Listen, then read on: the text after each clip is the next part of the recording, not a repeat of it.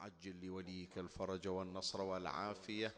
وانصره نصرا عزيزا وافتح له فتحا يسيرا وهب له من لدنك سلطانا نصيرا.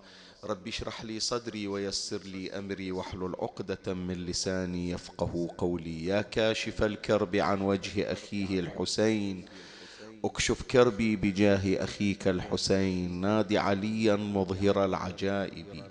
تجده عونا لك في النوائب. كل هم وغم سينجلي بولايتك يا علي. يا علي يا علي يا أبا الغوث أغثني. يا فارس الحجاز أدركني بلطفك الخفي ولا تهلكني. يا مولاتي يا فاطمة بنت محمد أغيثيني يا سيدتي. صلى الله عليك يا سيدي ويا مولاي يا رسول الله.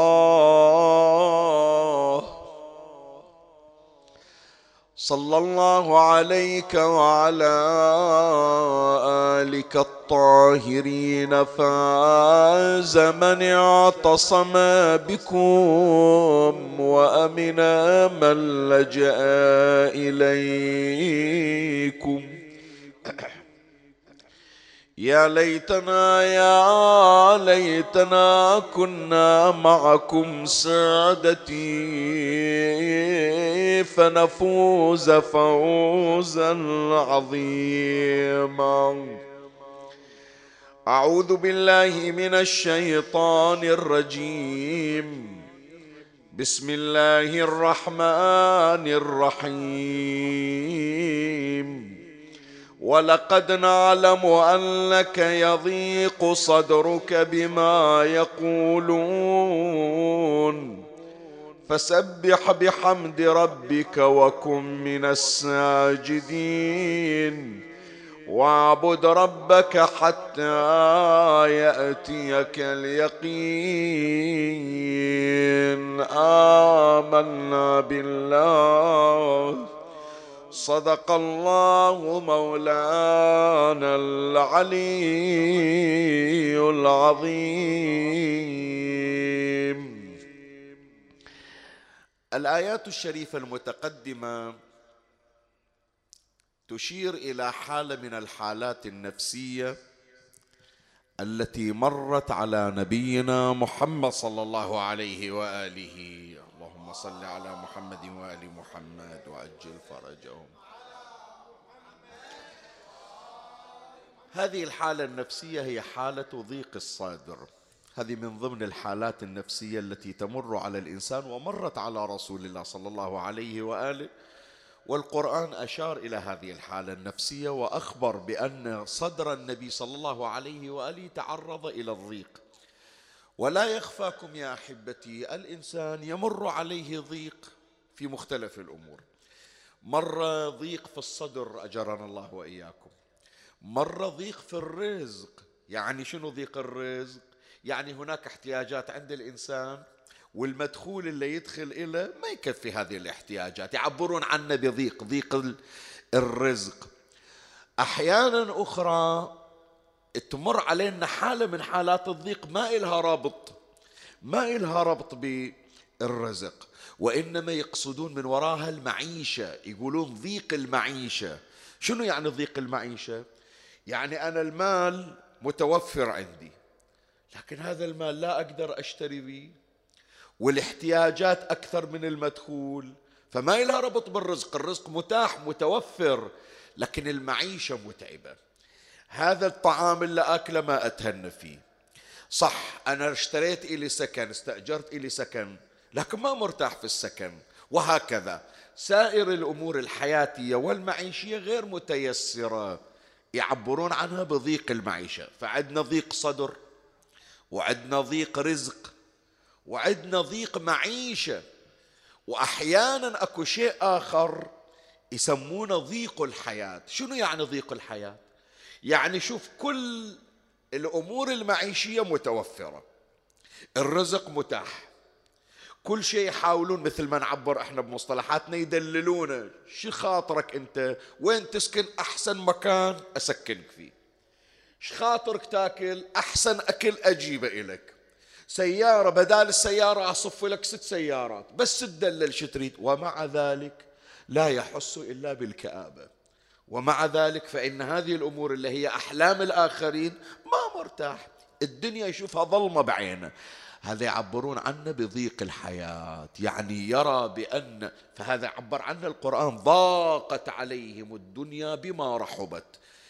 تشوف شلون المشارق والمغارب واسعة هو يشوف نفسه كأنه بقبر يمشي في قبر. فهذه كلها حالات من حالات الضيق. ضيق الصدر ضيق الرزق.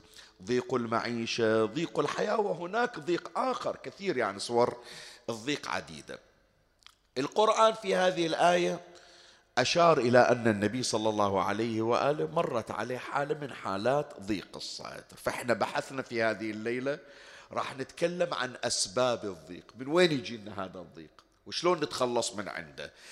المتابعون هذه الليلة أنا أدعوهم هم توفقنا بأن نشترك معكم في هذه الليلة سواء بالحضور المباشر أو عبر البث الافتراضي أو هم تستمعون من وراء هذا المجلس. أتمنى عليكم يا إخواني أيضا ليلة غد في حسينية أبو صيبع هم محاضرة ليلة باكر يكون تأخذونها لأنها ليلة باكر المحاضرة مرتبطة بهذه الليلة. الليلة نتحدث عن أسباب الضيق. ليلة باكر نتحدث عن أسباب الفرج. إذا ضاقت الدنيا بما رحبت على الإنسان كيف يفرج الله عنه؟ وماذا نصنع حتى يأتينا الفرج؟ هذا ليلة باكر الليلة لا أتحدث عن الضيق وأنواعه وعن أسباب الضيق. في بحث هذه الليلة المكون من فصلين ومن الله أستمد العون والتوفيق ومن مولاي أبي الفضل العباس المدد وألتمس منكم الدعاء وثلاثا بأعلى الأصوات. صلوا على محمد وآل محمد. اللهم صل على محمد وآل محمد وعجل فرجهم. اللهم صل على محمد وآل محمد وعجل فرجهم.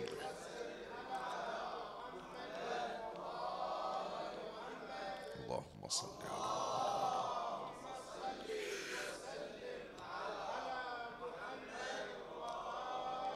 مولاي الكريم أنت حيثما كنت اسمعني وفرغ لي قلبك وأعرني سمعك وأقبل علي بكلك. أخبرتك بأن بحث هذه الليلة يحمل عنوان أسباب الضيق والحديث ينقسم إلى فصلين. أما الفصل الأول نعتبره مدخل إلى الفصل الثاني الحديث عن أنواع الضيق. إحنا أشرنا إشارة سريعة في المقدمة بس خلنا شوية نفصل فيها في هذا الفصل.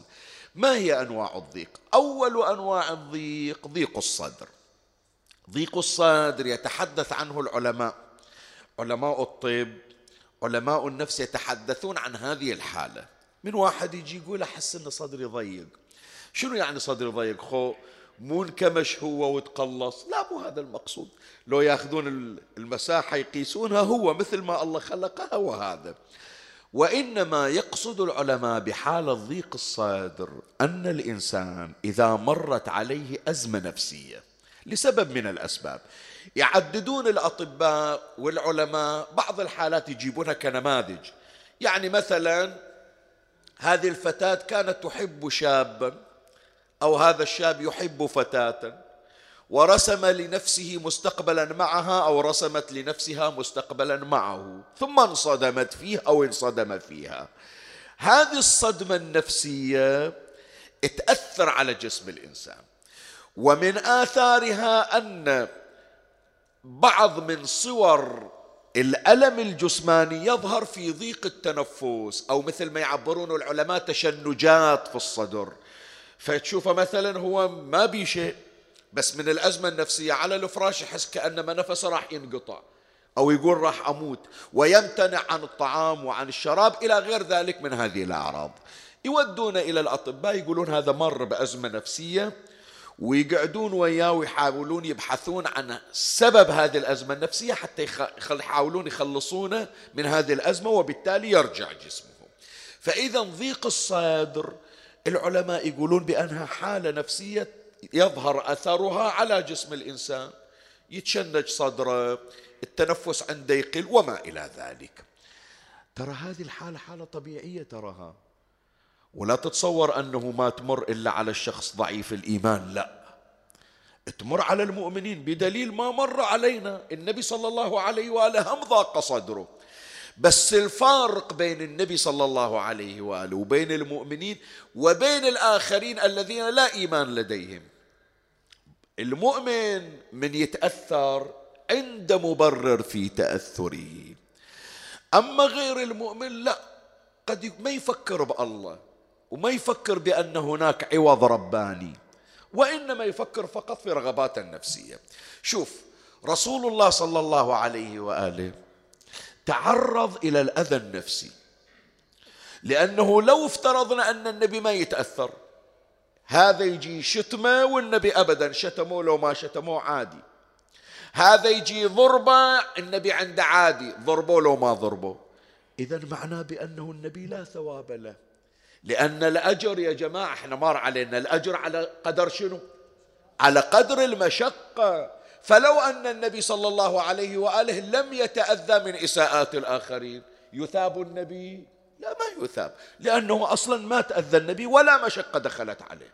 بس النبي لا في منتهى الأحاسيس بل يمكن أنا أقدر أقول لك شيء أكثر.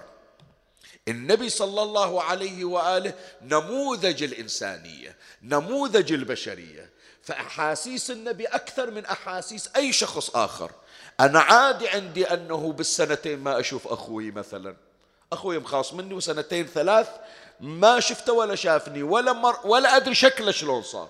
عادي عندي. ليش؟ الإحساس ضئيل عندي. مؤشر الإحساس ضئيل عندي. النبي صلى الله عليه وآله تدري أولاد عم اللي كانوا يأذونه شافهم النبي بعد انقطاع ثمان سنوات. بعد انقطاع ثمان سنوات وكانوا مؤذينه. بس شافهم اغرورقت عيناه بالدموع. شنو من إحساس عند الرسول هذا مو اللي يحبه لا. هذا الذي كان يشتمه وكان يرميه بالحجارة وكان يضع الأشواك والقاذورات في طريقه وكان بعضهم يبصق في وجه رسول الله. يعني مأذين النبي أذى. مع ذلك يقول رحمي ذولا أهلي أقاربي ثمان سنين ما شفتهم إي حضر الشيطان وفرق بيني وبينهم. شافهم ورا ثمان سنين اغرورقت عيناه من الدموع. واحد ثاني لو واحد من إخوانه مأذنه يقول عساني ما شفته ويا ريت أموت ولا أشوفه. لكن النبي ما يقول هذا الكلام. فلأن النبي صلى الله عليه وآله سيد الإحساس وسيد المشاعر كانت الآلام تدخل على قلب رسول الله. وتسبب إلى النبي حالات يعني مو مجرد أحاسيس لا تأثر عليه بحيث القرآن يقول بأن أهل السماء يحسون بضيق الصدر الذي في صدر نبينا صلى الله عليه وآله. هذا اللي عبر عنه القرآن ولقد نعلم أنه شنو؟ يضيق صدرك. تمر عليك الليلة ما تغمض عينك من اللي حصلته. وأي ألم مر على النبي؟ شوف حط بالك شوية يعني حتى أبين لك صورة معاناة رسول الله صلى الله عليه وآله. مرة واحد من عرف النبي هو عدو إلى النبي. لا يحب رسول الله ولا يحب يشوف وجهه وقلبه مليء بالحقد والكراهية على النبي. هذا تقول ما يخالف أكفي الله يكفيني شره وما إلي حاجة فيه. لكن أنت تصور النبي بتولي صلى الله عليه وآله بانقلاب أشخاص كانوا يحبون وكانوا متعلقين به. وأذكر لك هذا النموذج. أكو واحد يسمونه أبو سفيان ابن الحارث ابن عبد المطلب. هذا ابن عم النبي صلى الله عليه وآله. النبي محمد صلوا على محمد بأعلى أصواتكم. الله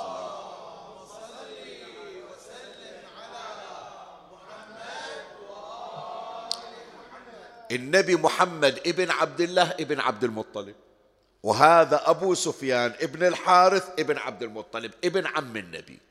مولودين في وقت واحد يعني في فترة واحدة. ورضعا من لبن واحد حليمة السعدية اللي رضعت النبي صلى الله عليه وآله هم رضعت أبا سفيان ابن الحارث ابن عبد المطلب فهو أخو النبي من الرضاعة وابن عم النبي. كبروا صاروا ويا بعض أصدقاء طفولة شلون يقولون أصحاب الصبا. هذا صديق النبي من الطفولة راحته ويا النبي جيته ويا النبي.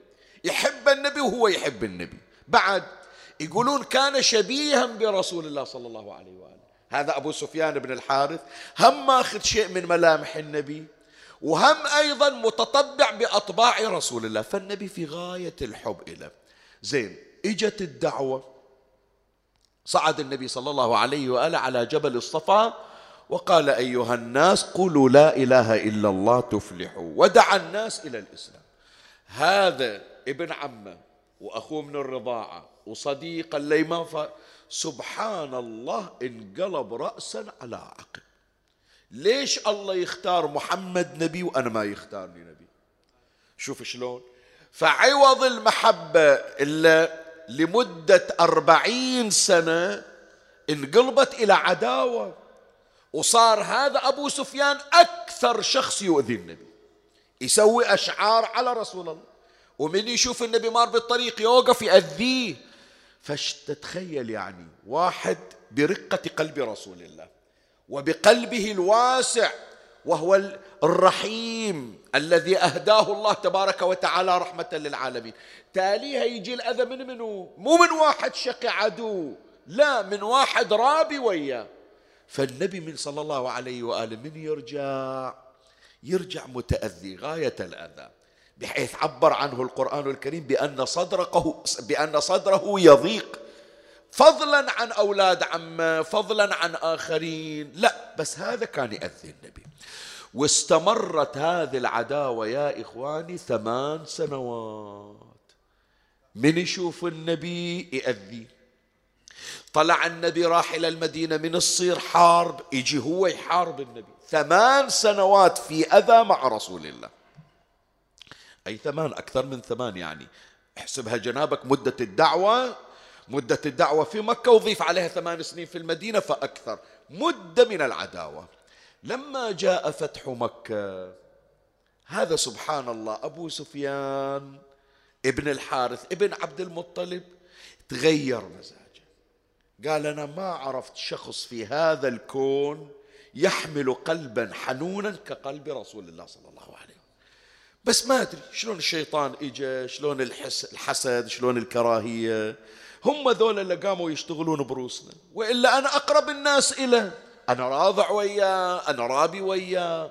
ماكو واحد مقرب إلي من عنده. فأحس بالندم. النبي صلى الله عليه وآله بعد ما واصل إلى مكة. أبو سفيان بن الحارث قال قبل لا يدخل محمد مكة أول أروح أعتذر من عنده. فإجا النبي صلى الله عليه وآله ضربت له خيمة في الأبواب. إجا وقف قال دخلوني على رسول الله. النبي من غضبه قال ما أريده. لا يطب عندي ولا يدخل عندي. ما أريده ولا أريد شوفته. هذا ما قصر. واحد غريب ما يعرفني بس هذا أعرف الناس بي. ما شاف علي لا كذبة لا خيانة لا خلة. هالعداوة على شنو؟ ما أريد أشوفه. هو ظل واقف على باب الخيمة. قال يمكن يحن النبي أبدا. رسول الله صلى الله عليه وآله يرفض لقاءه. شاف أم سلمة قال لها أم سلمة توسطي لنا روحي دخلي على النبي احكي وياه. قولي له لأنه إذا طردني النبي بعد خلاص. من وين باب رحمة غير باب رحمة النبي صلى الله عليه وآله؟ شوفي لي واسطة. فدخلت أم سلمة على رسول الله صلى الله عليه وآله. قالت يا رسول الله بأبي أنت وأمي. ابن عمك. يعني منو أقرب إلى من عندك أنت؟ ثم أنت رحمت الجميع. وهذا أولى الناس بالرحمة.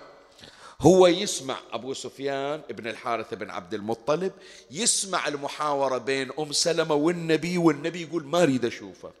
فلما سمع أبو سفيان صاح من وراء الخيمة قال له يا محمد أنا جاي لك تائب. إذا الآن ما تسامحني ترى هذا البر قدامي أهيم على وجهي إلى أن يدركني الموت وأموت ولا تغضب علي يا رسول الله. شوف نبي الرحمة شلون فلما سمع النبي اغرورقت عيناه وقام على قدمه وكشف طرف الخيمة فخرج إلى أبي سفيان وضمه إلى صدره. وأبو سفيان بن الحارث بن عبد المطلب اللي كان يأذي النبي أعلن إسلامه على يد رسول الله. صلى الله عليه وآله. وفي معركة حنين قال له يا رسول الله اسمح لي أعوضك عن الأذى اللي شفته من وراي. فكان يأخذ زمام ناقة رسول الله واي سهم يشوفه جاي إلى النبي يتلقاه بوجهه وبصدره دفاعا عن نبينا محمد صلى الله عليه وآله.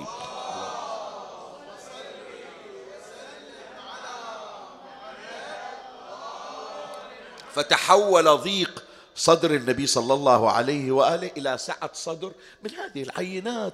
ليش؟ لأن الله تبارك وتعالى علم بما في قلب رسول الله. فلهذا قال له يا محمد بعد إحنا راح نوخر هذه الأمور اللي كانت تسبب لك الألم. فلهذا خاطبه الله إنا كفيناك المستهزئين. ذولا اللي يأذونك راح نخلصك من عندهم ما نرضى عليك صدرك يضيق فإذا نوع من أنواع الضيق يسمونه ضيق الصدر. ذكرنا نموذج مر على النبي صلى الله عليه وآله. جنبنا الله وإياكم ضيق الصدر. النوع الثاني من أنواع الضيق مو ضيق الصدر ضيق الرزق. الله تبارك وتعالى قد يضيق الرزق على أحدهم. وهذا ما أشار إليه القرآن الكريم بقوله تعالى فأما الإنسان إذا ما ابتلاه ربه فأكرمه ونعمه فيقول ربي أكرمن. وأما إذا ما ابتلاه فقدر عليه رزقه. فيقول ربي أهانا شنو يعني قدر عليه رزقه؟ يعني ضاق الرزق. ضاق الرزق. المفسرين يقولون بحيث ما يبقى إلا بمقدار البلغة. البلغة شنو يعني؟ يعني ما يسد القوت. يعطونا أفضل راتب أكثر راتب. ما يحصل من عنده شيء. يشتغل 24 ساعة في ال 24 ساعة. ما يحصل إلا بمقدار سد الرمق. ليش؟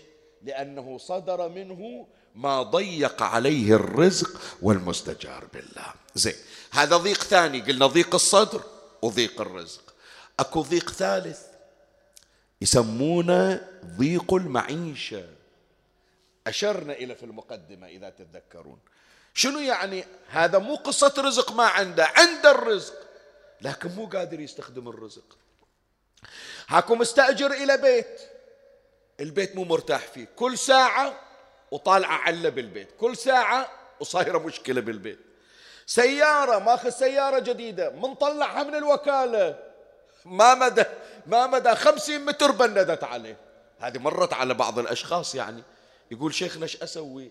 عبت صرت أدلل جراجات أزيد مما أدلل المساجد ما ظل جراج إلا أدلي. زين يوم بعت السيارة مشاكلها ارتفعت عن ذاك اللي اشتراها. ضيق معيشة. هذا عبر عنه عنه القرآن الكريم. فأما من ومن أعرض عن ذكري فإن له معيشة شنو؟ ضنكا ضنكا يعني صعبة شديدة. كل الأمور مي جاية تتسهل كل الأمور مي جاية تتيسر. لا في رزق لا في زواج لا في سكن لا في أمور الحياة في أمور المعيشة كلها متعثرة. هذا من أنواع الضيق. فإذا عندنا ضيق صدر وعندنا ضيق رزق وعندنا ضيق معيشة. حديثنا هذه الليلة يا إخواني من بعد هذا الفصل شنو اللي يجيب الضيق؟ هذا الضيق اللي في الرزق في الصدر في المعيشة غير أنواع الضيق. من وين إجت؟ إن شاء الله أشرع في بيانه في الفصل الثاني. أذكر لك أسباب الضيق. صل على محمد وآل محمد.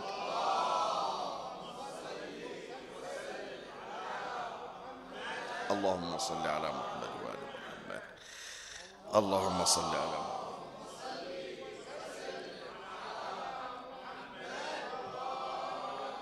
اللهم صل على محمد وآل محمد وعجل فرجهم مولاي الكريم في الفصل الثاني نتحدث عن أسباب الضيق. يعني هذا الضيق اللي نسمع عنه في الصدر أو في الرزق أو في المعيشة. من وين جاينا؟ مولاي أسباب الضيق تنقسم إلى قسمين. مرة أسباب معروفة نعرفها. نعرف شو مسوين؟ إلا سبب لنا الضيق. يسمونها أسباب معلومة أو أسباب معروفة. مرة أخرى لا يا جماعة يسمونها أسباب مجهولة.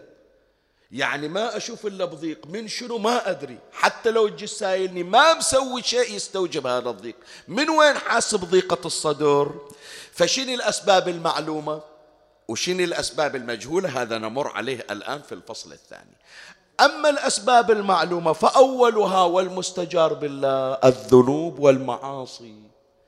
الذنب إذا صدر من الإنسان شوف هذا نحكي ويا أنفسنا كلنا ونوجه أولادنا. لما يجي واحد من أصحاب السوء من أصدقاء السوء يقول عادي زين غير ذنبت كل أستغفر الله وانتهى لا القضية مو بس قضية أن الذنب والله غفر لك ذلك الذنب لا. وإنما الذنب حينما يرتكبه الإنسان فإنه يؤثر عليه واحد من تأثيراته في رزقه. تعبان على نفسه يا الله يا الله يحصل الوظيفة. ما خلى واسطة كلموا فلان وقبلوه ومشوا له راتب. أول شهر قبل لا ينزل الراتب يسوي ذنب وإذا ذاك الراتب ينقطع عنه تعبه وشغله كله راح؟ لما يحط إيده في الليل على راسه يقول شو مسوي؟ يلا يلا الوظيفة إجت. شو اللي قطع عني الرازق؟ الرزق ليش ضاق علي الرزق؟ الراتب ليش انقطع؟ ما يدري بأنه صدر من عنده ذنب استوجب ضيق الرزق. شوف الليلة ليلة الجمعة ما تمر علينا إلا إذا قرينا دعاء كميل مو صحيح؟ إيش تقرأ في دعاء كميل اللهم اغفر لي الذنوب التي تغير النعم شنو؟ راتبي أحسن راتب. تغير علي الراتب. وظيفتي أحسن وظيفة. تغيرت علي الوظيفة. الله مسخر لي المسؤول المدير الموظفين يتمنون راحتي. تغيرت النعمة. والسبب من ذلك؟ ذنب صدر من عندي. غير علي تلك النعمة. خلنا نشوف الحديث عن الإمام علي بن الحسين زين العابدين عليه السلام. هذه من تسمعها كل ليلة جمعة.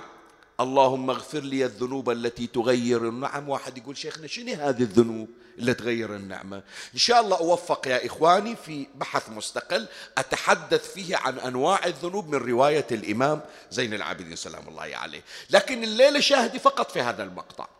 عن أبي خالد الكابولي قال سمعت علي بن الحسين عليهما السلام يقول الذنوب التي تغير النعم. حط بالك واحسبها وياي. من الذنوب التي تضيق الرزق وتقطع الرزق وتغير النعم. أول شيء قال البغي على الناس. الظلم الظلم. زين البغي على الناس شلون يصير؟ واحد من يسمع البغي يقول الحمد لله. إحنا لا إحنا حكام ولا إحنا مسؤولين فإحنا ما نظلم أحد ولا نبغي أحد. لا. قد يكون الإنسان ظالما وهو في بيته. قد يكون الإنسان ظالم حتى في الطريق. يمر واحد فقير ما يعرفه يعتدي عليه. أحيانا مو يعتدي على بشر. حط بالك شوف إيش أقول لك. مو على بشر واحد يقول ما ظلمت أحد من البشر. إيه؟ يمكن بهيمة حشى السامع والمكان في الطريق. تسببت بضيق رزقك. بهيمة. واحد أنا شايف بعضهم عنده إجرام وهالنزعة منين جايبينها؟ ما أدري. يشوف له مثلا كذا حيوان بالطريق يتعمد سحقه ويتعمد إصابته. ما يعرف بأن اللي سواه يعود بالضرر عليه. واحد يقول شيخنا زين هذا غير قطه هو غير سنورة غير حيوان زين. لا عمي روح اقرأ جنابك في القرآن. الله تبارك وتعالى انتقم من شعب بأسره بسبب جمل ناقة. صحيح له؟ صحيح لو لا يا جماعة ناقة صالح ليش الله ضارب منها؟ لنا مثل ضارب منها مثل أن الظلم ظلم سواء ظلمت نبيا أو ظلمت طيرا صغيرا. أنت هذا الظلم هو الذي يتسبب في الرزق. فواحدة منها البغي على الناس يقول الإمام البغي على الناس. بعد والزوال عن العادة في الخير واصطناع المعروف. شلون؟ أنا أقول لك أيام الفقور أيام الناس ما عندها تتعايش في بعضها البعض. شلون؟ جاء شهر رمضان قالوا شيلوا صحن هذا القيمات أو هريسة ودوا بيت جيراننا. صحيح لو لا؟ زين. شوية تطورت الناس. الله وسع عليهم. قال وإحنا لبتا كل يوم ودوا لهم صينية وودوا لهم صحن. يلا فكونا من هالعادة. ما يدري بأن هذه عادة الخير. إنما أوقعها الله في القلوب حتى تفتح باب أرزاق للآخرين. فيوم تنقطع العادة شو ينقطع وراها؟ ينقطع الرزق والعيب والمستجار بالله. الناس يا جماعة شوف هذه كلها دائما أنا كم مرة سامعين من عندي أكررها باستمرار. الرواتب كانت ضئيلة. الرواتب كانت ضئيلة. لكن من تجي هالأيام طلعت الناس لزيارة من وين الله فتح لهم باب للزيارة مع غلاء المعيشة. الله بارك لهم. زين يوم إجت الرواتب ويوم إجت الوظائف ويوم الناس سكنت في البيوت ليش اشتكت الناس الفقر؟ واحدة من الأسباب يا إخواني هناك كانت عوائد خير. ذاك الوقت ماتم بيبنونه مسجد بيبنونه فلان بيته طاح الطوف نزل المطر وطاح الجدار عليه. فزت فزعت كل الديرة قالوا فلان هاكو عنده مشكلة في بيته خلنا نوقف وياه. هذه يسمونها عوائد الخير. يوم انقطعت عوائد الخير انغلقت أبواب الرزق وضيق الله عليهم. هذا الإمام زين العابدين سلام الله عليه يقول والزوال عن العادة في الخير واصطناع المعروف. بعد وكفران النعم. بعد وترك الشكر. قال الله عز وجل إن الله لا يغير ما بقوم حتى يغيروا ما بأنفسهم. غيروا عن أنفسهم عوائد الخير غير الله عنهم أبواب الرزق والمستجار بالله. فإذا واحد من من أسباب الضيق اللي تمر على الإنسان إما بصدره أو برزقه أو بمعيشته صدر منه ذنب استوجب أن يغير النعمة. بعد. من أسباب الضيق الإعراض عن ذكر الله عز وجل. شلون؟ أنا أقول لك. لما واحد يعني اسمحوا لي أولادي شوي اسمعوا من عندي. هذه ليلة الجمعة من تمر في العادة الحسينيات المآتم. تشوف هذا ذكر الله موجود في الأدعية في القرآن. واحد مثلا يروح يريد يعزف الفاتحة يخلف في الفاتحة يقول شي يوديني أروح أقعد بعدهم يدرسون؟ لين صعد الخطيب على المنبر تالي أروح أسمع. ما يعرف بأن جلسة الذكر هذه تفتح له باب الخير. ليش؟ لأنه أنت تعرف نفسك بينك وبين الله ما عندك جلسة مخصصنها إلى ذكر الله. من تخلص الصلاة بسرعة تريد تقوم بسرعة تريد تشوف الموبايل. ما إلك خلق الليلة جمعة تفرغ من وراء الصلاة ثلث ساعة تقرأ دعاء كومين أو حديث الكساء. فأنت بينك وبين بين الله محروم من ذكر الله. الله فتح لك باب ثاني. قال غير ما تذكرني في بيتك رايح أنت مثلا الحسينية بتسمع خلينا إلك دعاء في البداية حتى يقولون ذكر الله عز وجل. بعد راح إلى بعزي هذا فلان وياه في الوظيفة مات أبوه قال بروح بخلف عليه لو ما رحت عزيته بيشرح علي وبيعتب. إجا حاطين قرآن قعد يسمع قرآن الله سجل ممن ذكر الله. إذا مرت في حياتنا يا إخواني لحظات الإعراض عن ذكر الله حياتنا كلها تتخربط. إذا حرمنا أنفسنا من ذكر الله لا بيننا وبين الله نذكر الله ولا حتى الأبواب المفتوحة لذكر الله ذكرنا الله فيها. يقرأ القرآن أرفع صوتي عناد. أنا ما أريد أقول هالكلمة لكن جرب. إن شاء الله ما تشوفها وهالتجربة ما تمر عليك. جرب في الفاتحة من يقرون القرآن متى تصير السوالف. من يقرأ القرآن. خلي اللي يقرأ القرآن يسكت. سكتوا. خلى يرد يرجع. كأنها عناد يعني. كأنها عناد ويا القرآن. هذا الإعراض عن ذكر الله يضيق المعيشة. ومن أعرض عن ذكري فإن له معيشة ضنكا. بعد هذه إشارة خلها على الهامش. أحيانا واحد يقول شيخنا لو أسوي جلسة قرآن ببيتنا ما حد يجي. لو أقول لهم الليلة ليلة الجمعة بنقرأ دعاكم ما حد يجي. لكن سبحان الله هناك انجذاب في النفوس إلى مآتم الحسين عليه السلام. ترى حتى ذكر الحسين هو ذكر الله عز وجل. هذه صورة من صور ذكر الله. فلهذا في التفاسير العلامة المجلسي يذكرها وأيضا الشيخ الطبرسي على الله مقامه في مجمع البيان يذكرها. ومن أعرض عن ذكري شنو ذكر الله؟ ولاية محمد وآل محمد صلوات الله عليهم أجمعين.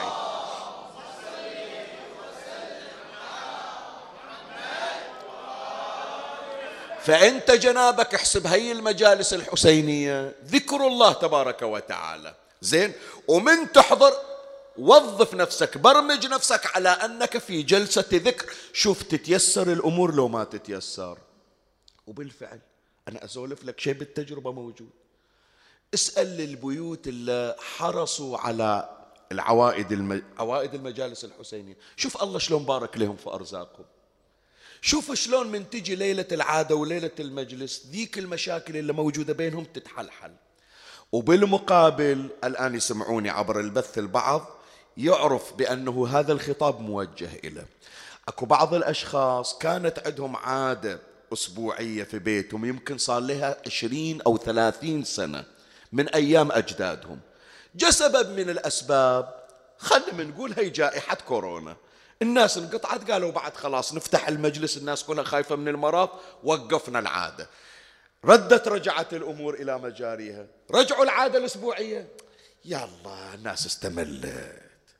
خلاص بس انت وقفناها ما إحنا مرجعينها خلي يلاحظون بعد انقطاع ذكر الله اللي هو في ذكر أهل البيت أمورهم تخربطت لو ما تخربطت كثير يا إخواني ما أحكي لك بالبحرين وخارج البحرين بعضهم يقول شيخنا لأسباب توقفنا عن هذا المجلس الأسبوعي. حسينا بأن أمور البيت مخربطة. بس رجعنا ذكر الحسين في بيوتنا. لا استقرت الأمور وهدأت. وكل ذلك يا إخواني ببركات محمد وآل محمد صلوات الله عليهم.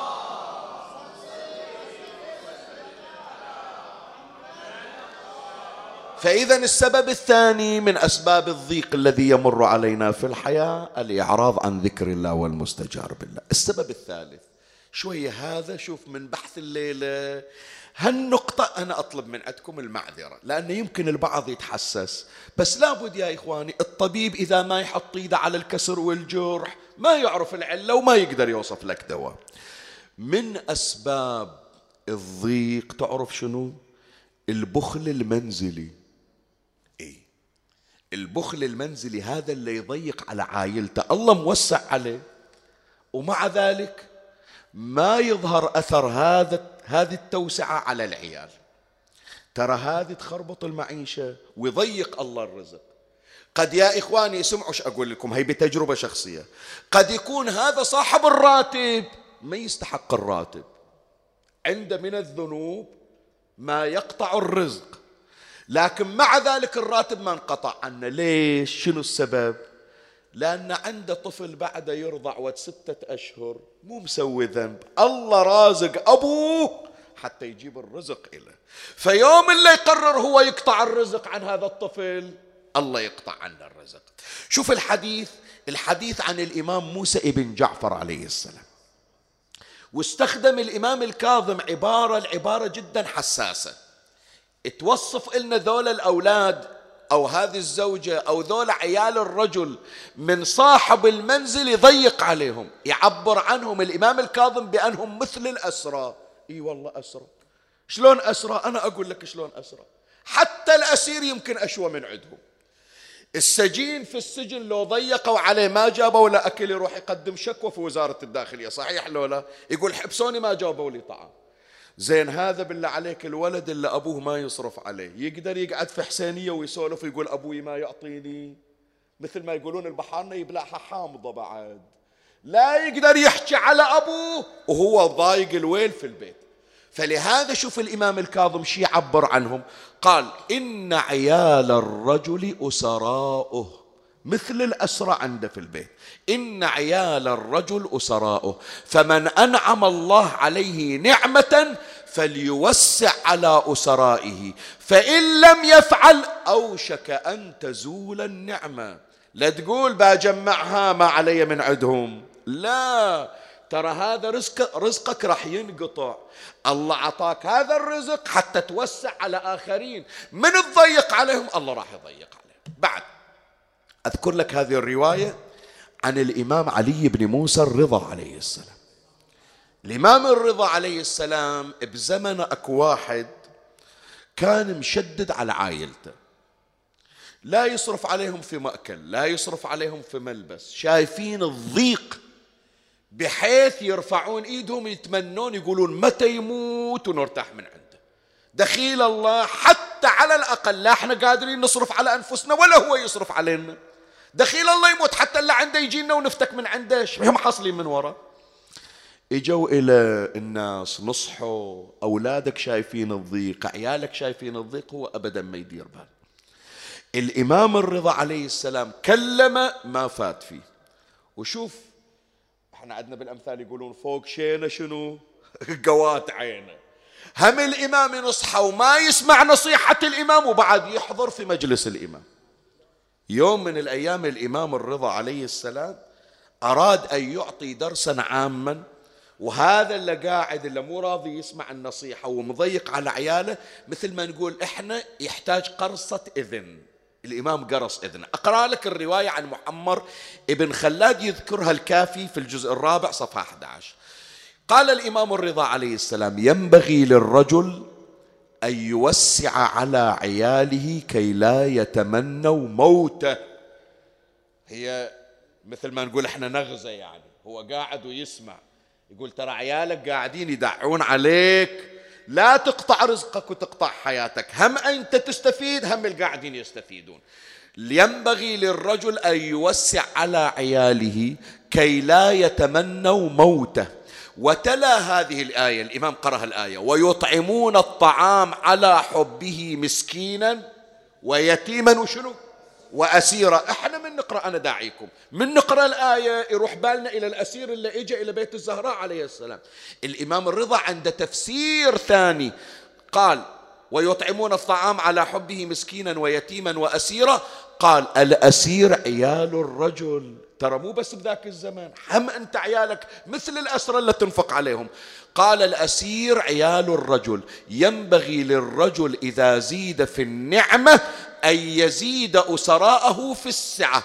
اليوم عطوك مثلا علاوة في الراتب خلي يشوفون عيالك أثر العلاوة في مأكلهم في ملبسهم في تطليعتهم تطلعهم يغيرون جو. زين عقب ما ذكر الإمام سلام الله عليه قال إن فلان هذا اللي قاعد. اللي عجزنا ننصحه وكلمناه وفوق هذا لا تزيده النصيحة إلا شقاوة. قال إن فلانا أنعم الله عليه بنعمة فمنعها أسراءه. منعها عن عياله يعني. وجعلها عند فلان. اسمع إيش أقول لك. يا ريت قال باضم الفلوس إليهم بعدين يستفيدون منها. لا رايح مرابع على ناس وفلوس اللي المفروض يصرفها على عائلته وين يوديها؟ إلى ربعة من يقعد وياهم. زين هذا حط بالك ترى هذا حق عيالك. هم أولى بالحق. أنت من حقك الشخصي روح وما تريد توديه ودي مع العلم أن الأقربون أولى بشنو؟ بالمعروف. الإمام شهر به بالمجلس. شقد اليوم أكو أشخاص يا إخواني هم مضيقين على أسرهم وعوائلهم. لو الإمام صاحب الزمان عجل الله فرجه الشريف قاعد وهم موجودين كان شهر بهم على ما يرتكبون من ظلم وبغي. قال إن فلانا أنعم الله عليه بنعمة فمنعها أسراءه وجعلها عند فلان فذهب الله بها. يقول هذا خير راح يروح ما راح يحصل خير ولا راح يتوفق. يقول معمر وكان فلان حاضرا. قاعد ويسمع. الإمام شلون شهر به فإذا هذه يا إخواني من أسباب الضيق. واحدة من عدها الذنوب والمعاصي. الثاني من عدها الإعراض عن ذكر الله عز وجل. الثالث البخل المنزلي أو اللي يعبرون عنه في الروايات التضييق على العيال. زين. هذه أشياء نعرفها معلومة أسباب معلومة للضيق. شوية الآن حتى نختم مجلسنا الآن. ساعة إلا ثلث صار لنا نقرأ. مولاي الكريم مرة واحد يضيق صدره أو يضيق رزقه ويعرف سبب الضيق شنو.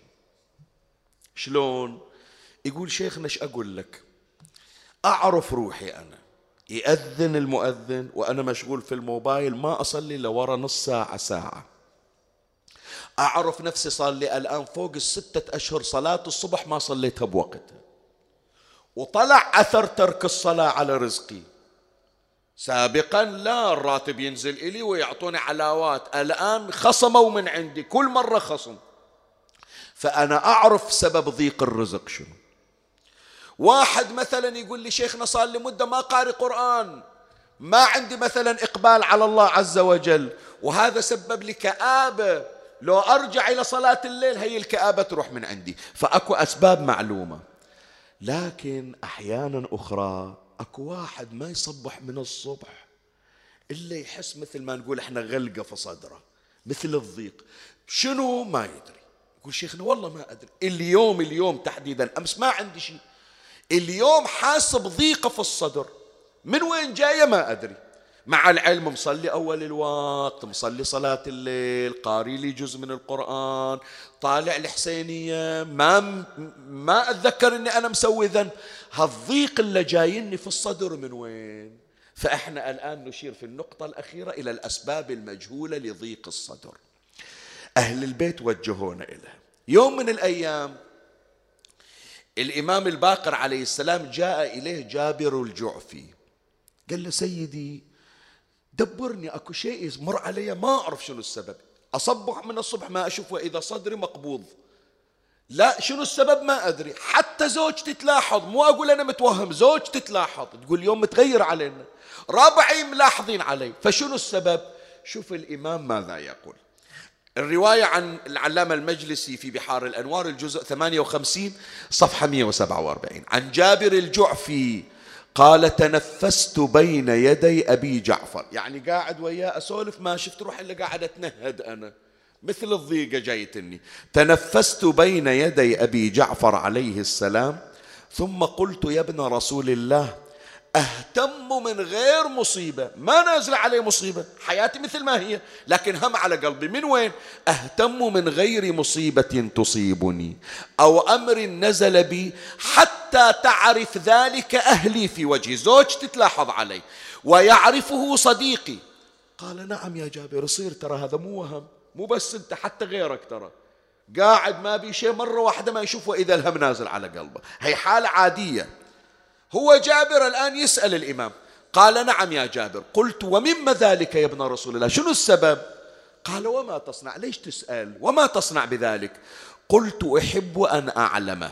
اسمع الآن الإمام يجاوب. سر الهم والغم وضيق الصدر المجهول السبب.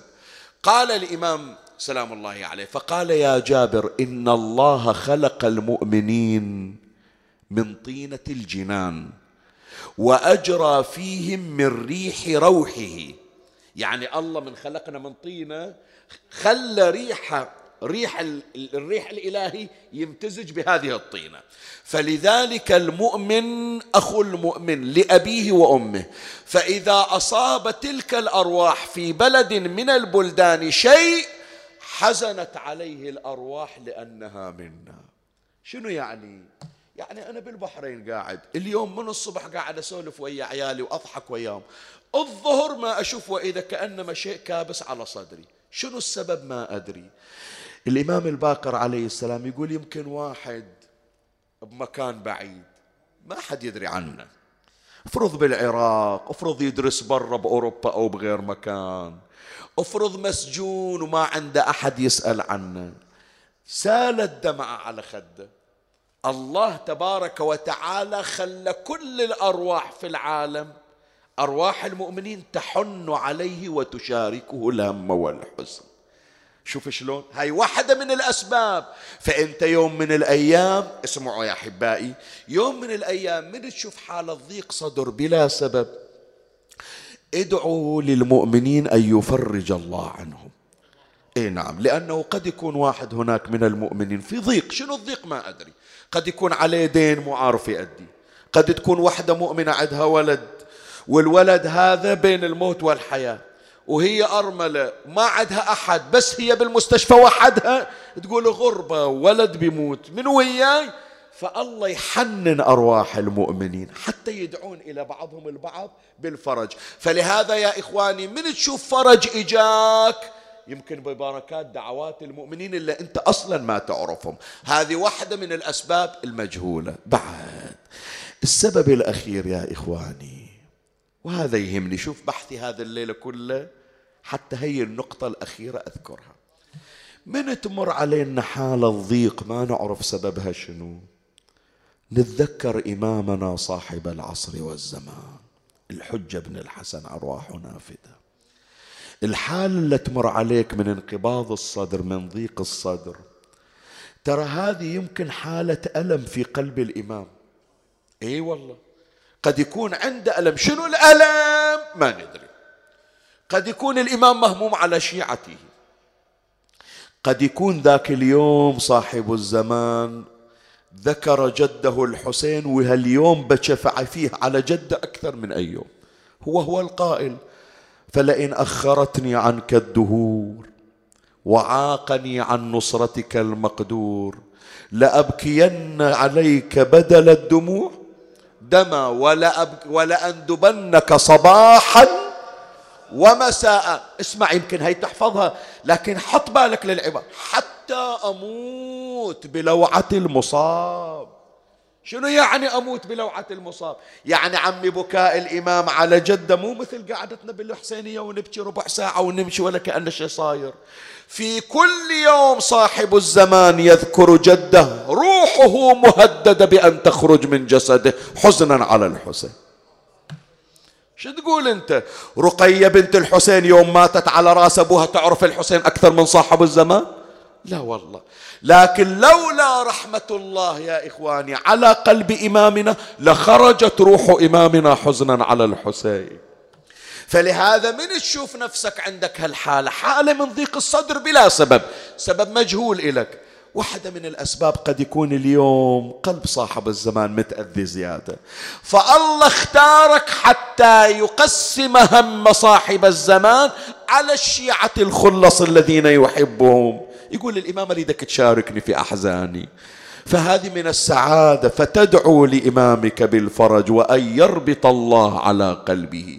الرواية عن الإمام الصادق عليه السلام يقول أبو بصير دخلت على أبي عبد الله عليه السلام ومعي رجل من أصحابنا. فقلت له جعلت فداك يا ابن رسول الله. إني لأغتم وأحزن من غير أن أعرف لذلك سببا. ما أشوف إذا غم وحزن شنو السبب؟ ما أدري. فقال عليه السلام إن ذلك الحزن والفرح يصل إليكم منا. إحنا مهمومين. إحنا مهمومين واخترنا شيعتنا يشاركونا في الهم والحزن. ذلك الحزن إن ذلك الحزن والفرح يصل إليكم منا لأن إذا دخل علينا حزن أو سرور كان ذلك داخلا عليكم لأن وإياكم من نور الله عز وجل فجعل طينتنا وطينتكم واحدة عمي وشلون أهل البيت ما ما تنعصر قلوبهم حزن؟ صدق والله يعني يا جماعة. شلون أهل البيت شوف خلي أقول لك خلاص مجلس انتهى. قد واحد يا جماعة بالحسينية شوف هي مرت عليك لو ما مرت عليك. الخطيب يقرأ المصيبة وهذا المستمع ما دمعت عيونه. لكن يشوف طفل صغير قاعد يبكي على الحسين. هذا اللي يبكي على الحسين هو يبكي له صوبة. صحيح لو لا؟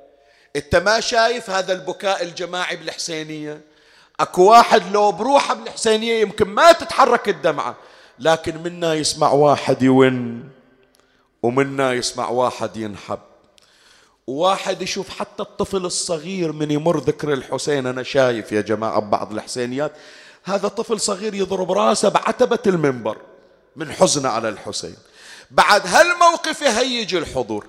إذا إحنا يا إخواني نتهيج من هذا المهموم على الحسين.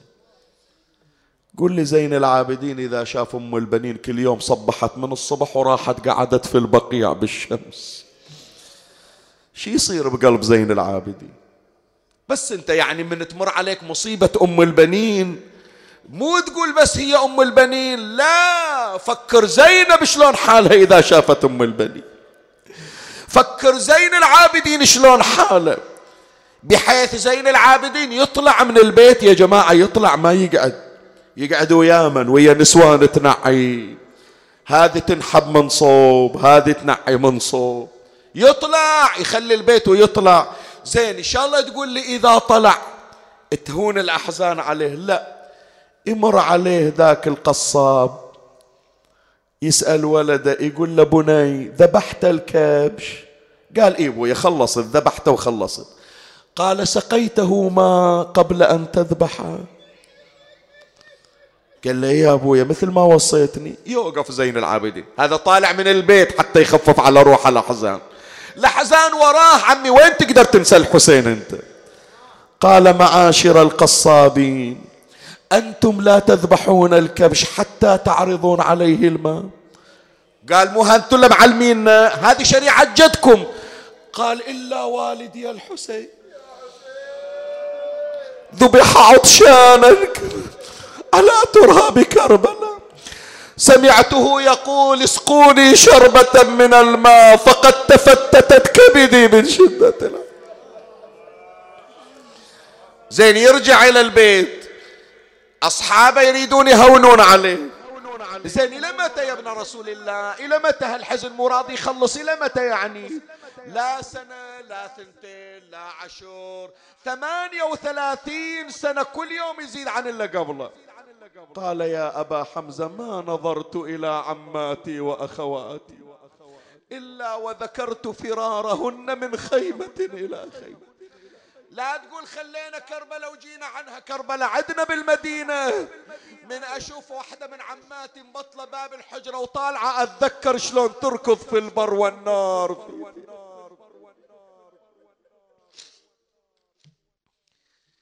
الليلة قلبي طاير على مصيبة خاصة أريد أقراها. وإلا المجلس ما شاء الله تحرك يعني. هذا من الرزق الغير محتسب. يقول له أبو حمزة. زين سيدي. سؤال أسألك. قال ليش عندك أبا حمزة؟ قال دخلتي عليك. أول ما فتحت الباب وطبيت. واحدة حاطة بنيتها في على التراب وقاعدة والشمس نازلة على راسها. لا يكون واحدة من خدمكم. اليوم مزعلتنكم رافعة صوتها. وعاقبتها يا ابن رسول الله بأن أجلستها في الشمس. أنتم أهل بيت الرحمة أنتم أهل بيت لا تزدادون على المسيء إلا إحسانا. زين ما يخالف إذا مقصرة هي خلوها في الفي خلوها في الظلال. مقعدينها بالشمس ليش؟ ما يخالف. تستاهل تقعد بالشمس؟ هالبنية الصغيرة شنو ذنبها تقعد ويا أمها؟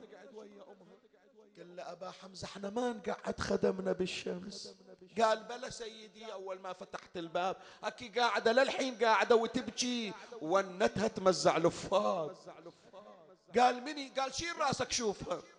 شال راسه زين العابدين وإذا وحدة قاعدة في صحن الدار والشمس نازلة على راسها. هي توين والبنية توين وياها بس شافها وإذا بدموع زين العابدين تحادرت على خده. قال له أبا حمزة هذه مو خدامة. هلا قاعدة مي خدامة هذه. قال له مني هذه؟ قال هذه الرباب عزيزة الحسين. وعزيزة الحسين شم قاعدنها بالشمس؟ ليش بي قاعدة في دارها؟ قال آلت على نفسها ألا تستظل بظل دار وقد رأت حسينا مقلوبا على وجهه. وهو جثة بلا رأس إصرخ ونادي وحسينا. فأمرت البنائين أن يقلعوا سقف المنزل وصارت تجلس في حرارة الشمس. دارك دارك حياتي خلصت والعمر دارك دارك. وشف الموت مدري شلون. دارك دقل شلون أطب يا حسين. درك درك شلون أسكن وهي وحشة وخليل.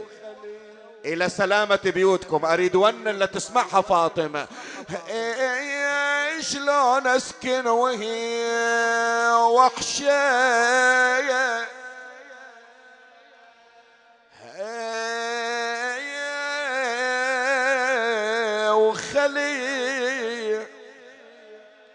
شوف البيت هذا يأذيك لو لا صاحت ينشال ينشال عسى كف الشمريت اليوم. ينشال ينشال جرح قلبي بجرح ما بعد. ينشال الرباب تقول عاد الميت بتابوت. ينشال ما شفنا يضل جسم على الوطي.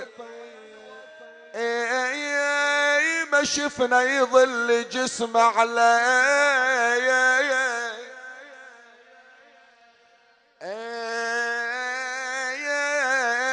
الوطي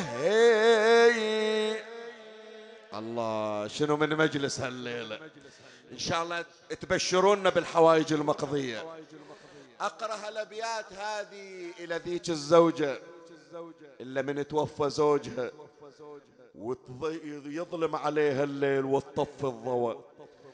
تقعد بروحها ودمعتها على خدها تتذكر زوجها وأيام العز. خلها تسمع الرباب إيش تحكي ويا الحسين ما حد يسمعها. عاشرتك سنين وعشت وياك وغير الطيبة بد ما شفت منك.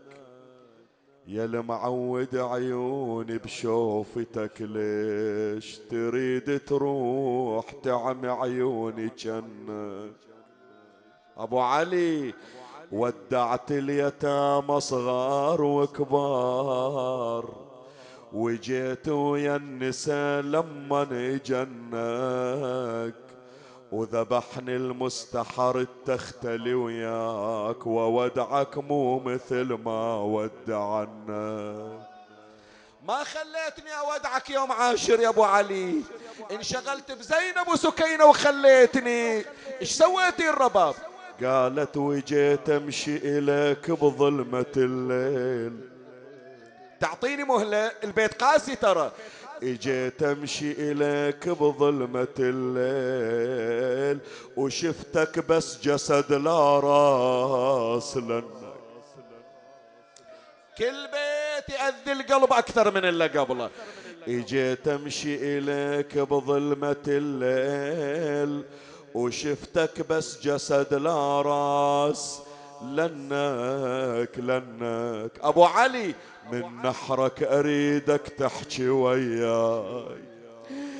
من نحرك من نحرك أريدك تحكي وياي. بعبد الله الرضيع حل فنك.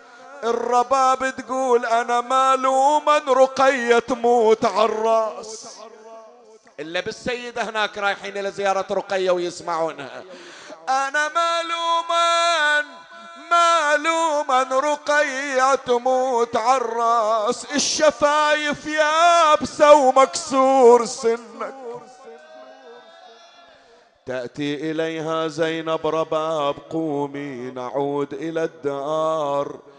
صاحت زينب زينب أفز بالليل مرعوبة وهزا للمهد بيدي. بنص الليل يا زينب حسبالي بك وليدي. أخذتها زينب من يدها دخلت بها إلى الدار.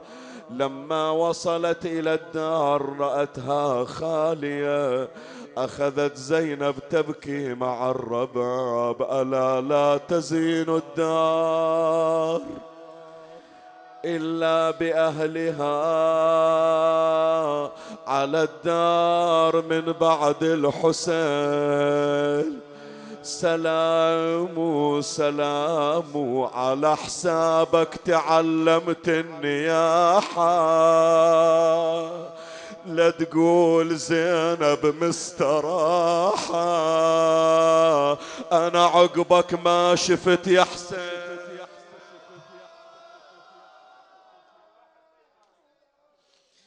بالأمس كانوا معي واليوم قد رحلوا وخلفوا في سويد القلب نيرانا نذر علي لئن عادوا وإن رجعوا لأزرعن طريق الطاعة اللهم صل على محمد وآل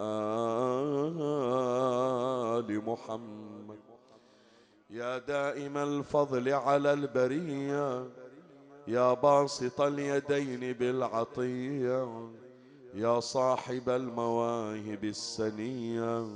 صل على محمد وآله خير الورى سجيا واغفر لنا يا ذا العلا في هذه العشية. بك يا الله بمحمد بعلي بفاطمة بالحسن بالحسين.